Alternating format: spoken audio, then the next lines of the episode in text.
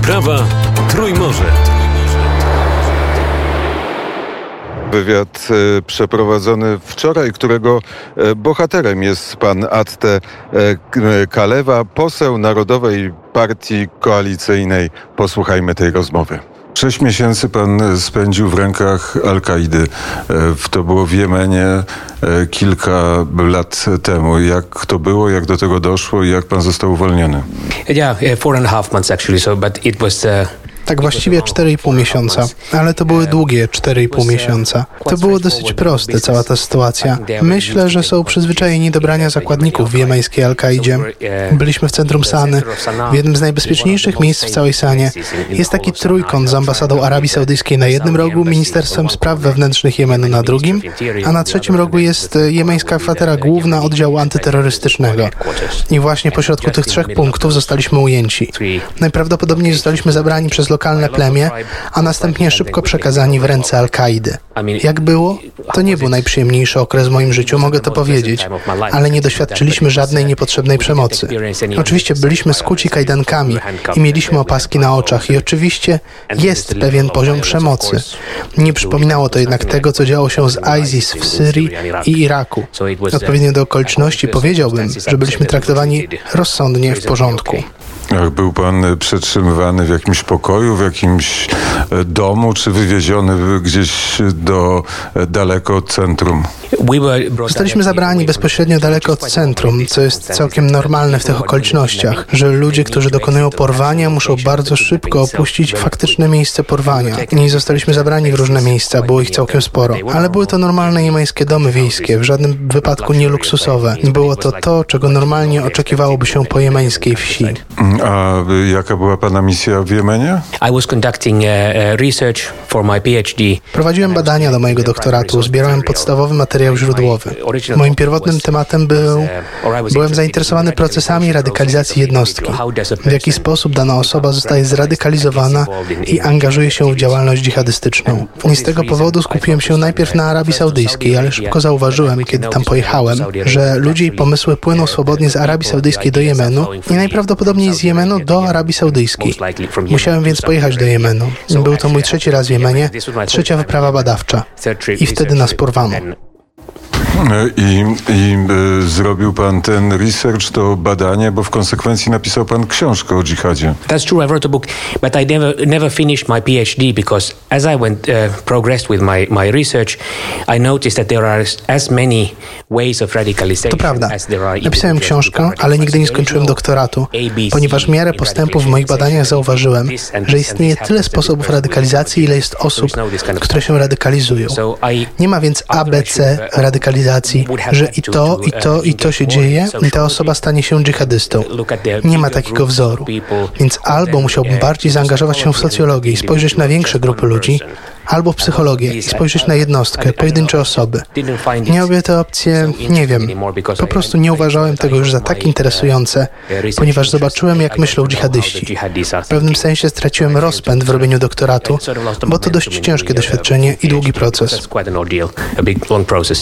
A w jaki sposób y, człowiek staje się radykalny? Well, like I said, there's so many ways as there are the people who, become or persons who become radicalized. But uh, in general, you could say that, that there's uh, two main driving factors. One is that the, uh, the, the need to belong. Cóż, jak powiedziałem, jest tyle sposobów, w jaki ludzie się radykalizują, ale ogólnie można powiedzieć, że istnieją dwa główne czynniki. Jednym z nich jest potrzeba przynależności, drugie to poczucie sensu. Każda osoba chce mieć sens w swoim życiu. Kiedy spojrzysz na młodych mu- muzułmanów w państwach zachodnich, w Europie, którzy są jakby zagubieni, mogą mieć jakieś problemy z prawem, problemy z władzą, z zażywaniem narkotyków, tego rodzaju rzeczami, uznają, że ich życie jest całkowicie pozbawione sensu. Ale kiedy angażują się w działalność dżihadystów i stają się częścią globalnego ruchu dżihadystycznego, ich życie nabiera sensu. Mogą walczyć na ścieżce Allaha i nagle mają wielu przyjaciół, braci i siostry. Należą więc do grupy, do której warto należeć, którą podziwiają. Te dwie idee są dosyć powszechne we wszystkich procesach radykalizacji, patrząc na to z grubsza. When you look at it sort of roughly. A czy w Finlandii jest problem z radykalnym islamem? Actually, there is, because when when we look at the statistics on, on how many foreign fighters have gone to fight for ISIS. tak właściwie to jest. Jeśli spojrzymy na statystyki dotyczące liczby zagranicznych bojowników, którzy pojechali walczyć o ISIS w Iraku lub Syrii, to proporcja tej liczby, jeśli spojrzy się na wielkość naszej społeczności muzułmańskiej, bo nie tworzymy żadnych statystyk, ale niektórzy mówią, że w Finlandii jest być może 100 tysięcy muzułmanów. Zdecydowana większość z nich to imigranci pochodzący z Bliskiego Wschodu, z tych krajów. I mamy trochę ludzi, którzy nawrócili się czy konwertowali na islam, niektórzy etniczni Finowie. Ale proporcjonalnie odsetek ludzi zradykalizowanych i zamierzających walczyć jest najwyższy we wszystkich krajach zachodnich w Finlandii. I nikt nie wie dlaczego.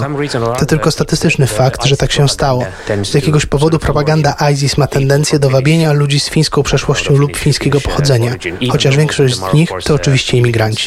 W Szwecji są takie dzielnice, do których się nie wchodzi. Czy tutaj w Helsinkach też jest niebezpieczna dzielnica? Uh, not to that extent, no. We, the situation is still much better in, here in Helsinki and in Finland in total than it is in Sweden. And of course, there's uh, uh, too many young nie, do tego stopnia nie. Sytuacja jest jeszcze znacznie lepsza tutaj w Helsinkach i w ogóle w Finlandii niż w Szwecji.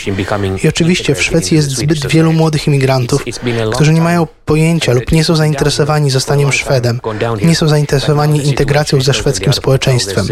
Minęło dużo czasu. To znaczy od dłuższego czasu sytuacja się pogarszała, ale teraz sytuacja całkowicie wymknie się spod kontroli. Już 46 osób w tym roku straciło życie z powodu strzelanin związanych z gangami w Szwecji. W zeszłym roku było to 45 osób w sumie. Teraz już jest 46. Problem polega więc na tym, że dzieje się znacznie, znacznie gorzej. Zwykle w Finlandii to, co dzieje się w Szwecji, 10 do 15 lat później dzieje się w Finlandii, jak na przykład moda. Wszystko przychodzi ze Szwecji do Finlandii. Mam na myśli, że musimy zapobiegać tego rodzaju obcym wpływom, tym ideom radykalizacji, islamizacji. Nie potrzebujemy tych idei w Finlandii. Musimy położyć temu kres, zanim będzie za późno the matter now, before it's too late. Ale to jest e, problem Europy. Informacja z dzisiaj, że w ciągu jednej nocy tysiące migrantów wylądowało e, we Włoszech. To duży problem. Należy się tym zająć. Myślę też, że musimy podkreślić, że należy się nim zająć na szczeblu Unii Europejskiej. Nie możemy po prostu zmusić pojedynczych państw członkowskich do odpowiedzialności za tylko swoje problemy. Należy zaadresować ten problem na szczeblu UE. E, gdybyśmy rozmawiali 8 e, lat temu, byśmy, pewno by pan powiedział, że dżihad jest największym niebezpieczeństwem, jeśli chodzi o wolność i o to, co się zdarzy w w przeszłości w Europie, ale teraz największym niebezpieczeństwem jest Rosja. Tak, jesteśmy w Finlandii, więc nie ma konieczności o tym przypominać. Mówiłem o tych kwestiach już w 2014 roku, kiedy zaangażowałem się w politykę.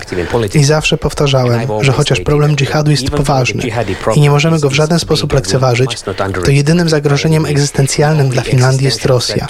Zawsze tak było i niestety myślę, że zawsze tak będzie.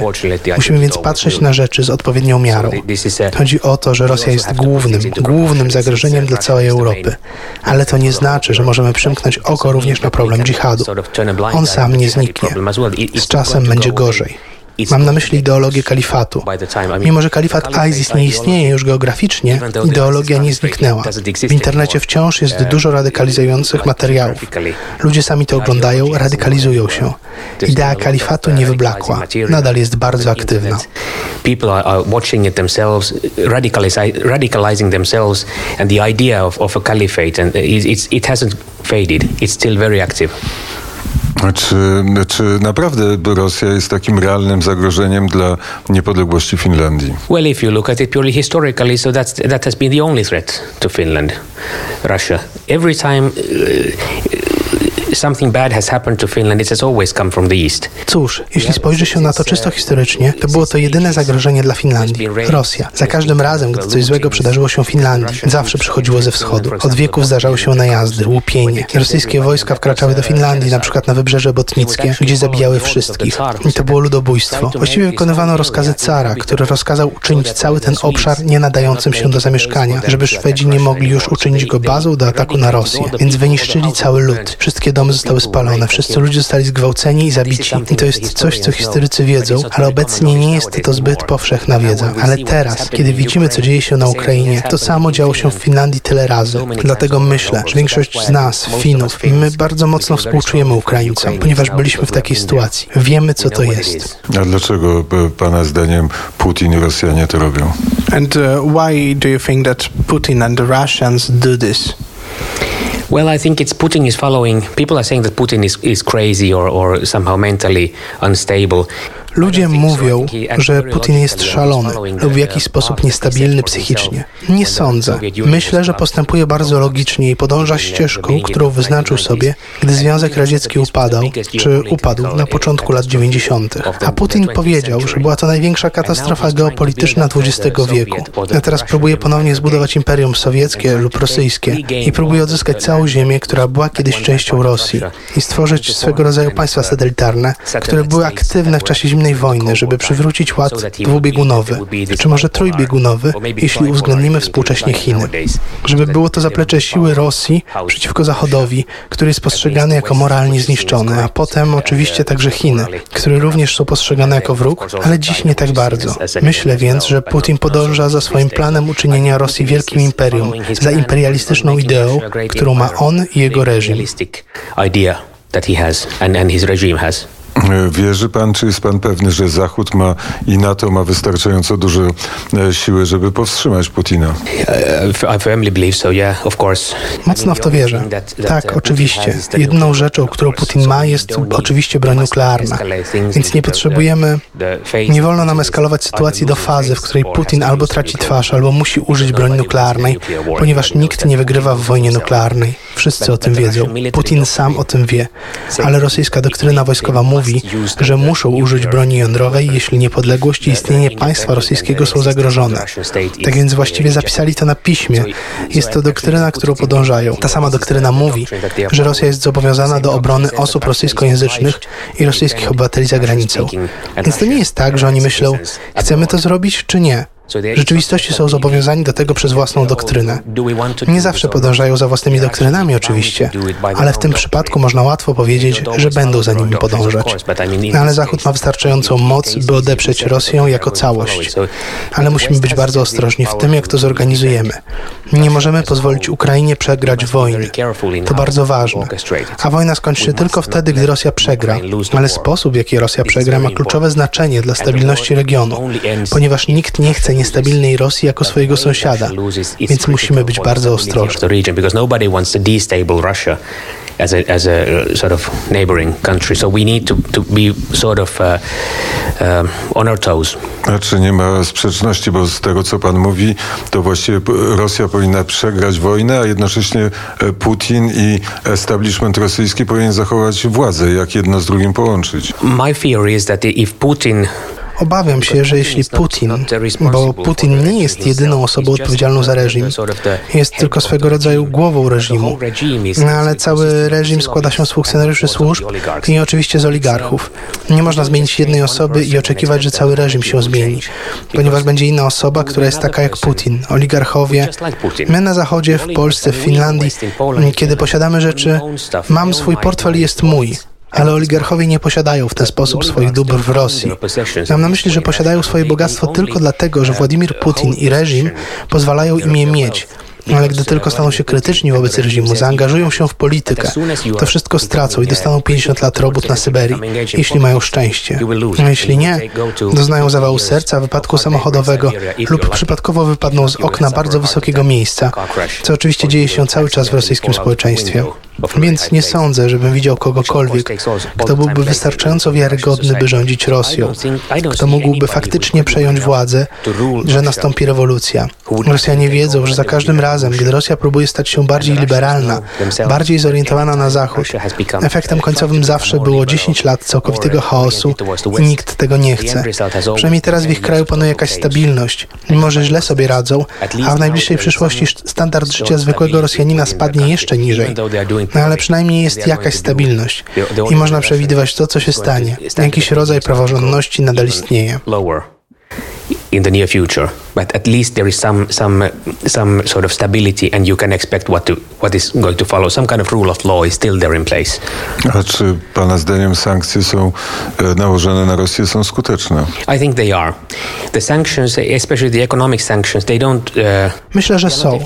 Sankcje, zwłaszcza sankcje ekonomiczne, nie są skuteczne od razu, ponieważ będą one coraz skuteczniejsze tylko w miarę upływu czasu. A teraz, kiedy Rosji nie wolno pozyskiwać zachodnich technologii, a pieniądze nie płyną tak swobodnie jak kiedyś, przykro mi to mówić, ale wciąż jest dużo rosyjskiej energii kupowanej za granicą, kupowanej złe, więc moglibyśmy zrobić o wiele więcej. Ale już teraz zaczynamy dostrzegać skutki sankcji. Myślę, że musimy utrzymać silny front Unii Europejskiej. keep our, our European Union front very strong. Granica między Finlandią a Rosją to tysiąc, ponad 1300 e, kilometrów. Czy przez tą granicę mogą przejeżdżać Rosjanie do Finlandii? Uh, yes, they can, to be honest. I mean, we cannot control all the border. We have cameras. We tak, have, mogą. Szczerze mówiąc, nie możemy kontrolować całej granicy. Mamy kamery, bramy i ogrodzenia, ale nie możemy zbudować ściany o długości 1300 kilometrów. Nie jesteśmy Chińczykami, żeby budować tego rodzaju mury. Nie można więc uniemożliwić wszystkim nielegalnego wejścia i przekroczenia granicy. Ale jeśli się zobaczy, jaki teren jest w tej części świata, może być tam i 100 kilometrów tylko lasów, żadnych dróg, nic. Niemożliwa jest więc duża liczba ludzi spacerujących przez te lasy, bo są bardzo odizolowane. To dzicz. Jest to więc jeden z najlepszych środków zapobiegawczych. Oczywiście mamy kamery, monitoring, różnego rodzaju metody nadzoru na granicy. Wiemy więc, jeśli ktoś ją przekracza, a wtedy Straż Graniczna może przechwycić taką osobę skuterami śnieżnymi, czy po prostu wysyłając patrol.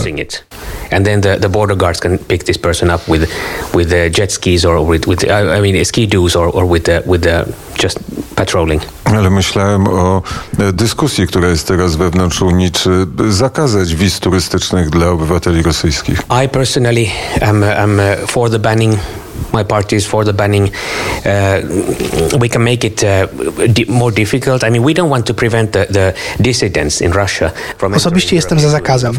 Moja partia jest za zakazem i możemy to utrudnić. Nie chcemy utrudniać rosyjskim dysydentom dostania się do Unii Europejskiej. Oczywiście zapraszamy tych ludzi. Chociaż uważam, że większość dysydentów, którym faktycznie grozi niebezpieczeństwo z powodu tego, co powiedzieli publicznie, którzy sprzeciwiają się Putinowi, już uciekła. Ale są ludzie, którzy nie popierają wojny, więc dla tych ludzi musimy mieć jakiś mechanizm, żeby mogli przyjechać. Nie chcemy ich trzymać w Rosji, ale w tym samym czasie uważam to za bardzo, bardzo trudne oglądanie Rosjan spędzających wakacje w Finlandii, podczas gdy jednocześnie wojska rosyjskie popełniają okrucieństwa i zbrodnie wojenne na Ukrainie.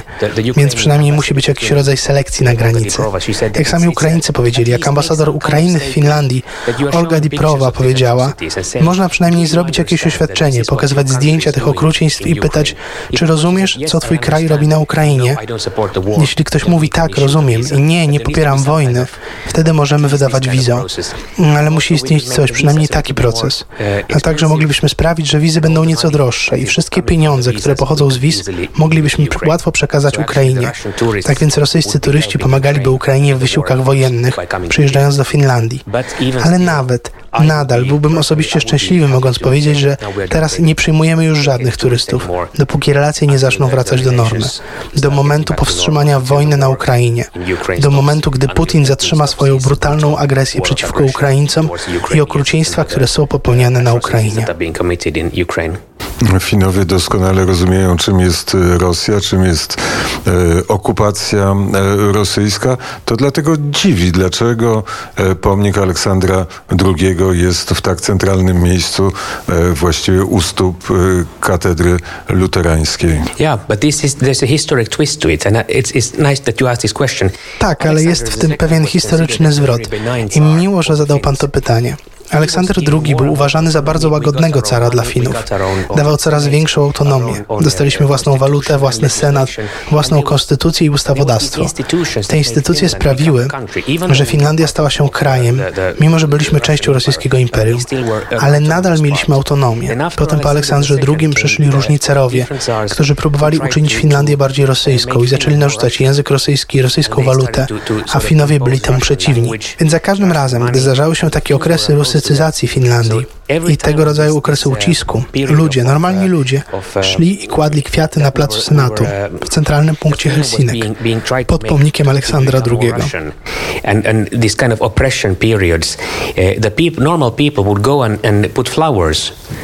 Uh, on the Senate Square, which is, which is the centermost location of Finland, for the, the statue of Alexander II. And every night, the, the militia and the, the Russian soldiers would come and collect the flowers. I każdej nocy milicja i rosyjscy żołnierze przychodzili i zabierali te kwiaty. Ale nie mogli powstrzymać ludzi, bo to był pomnik cara.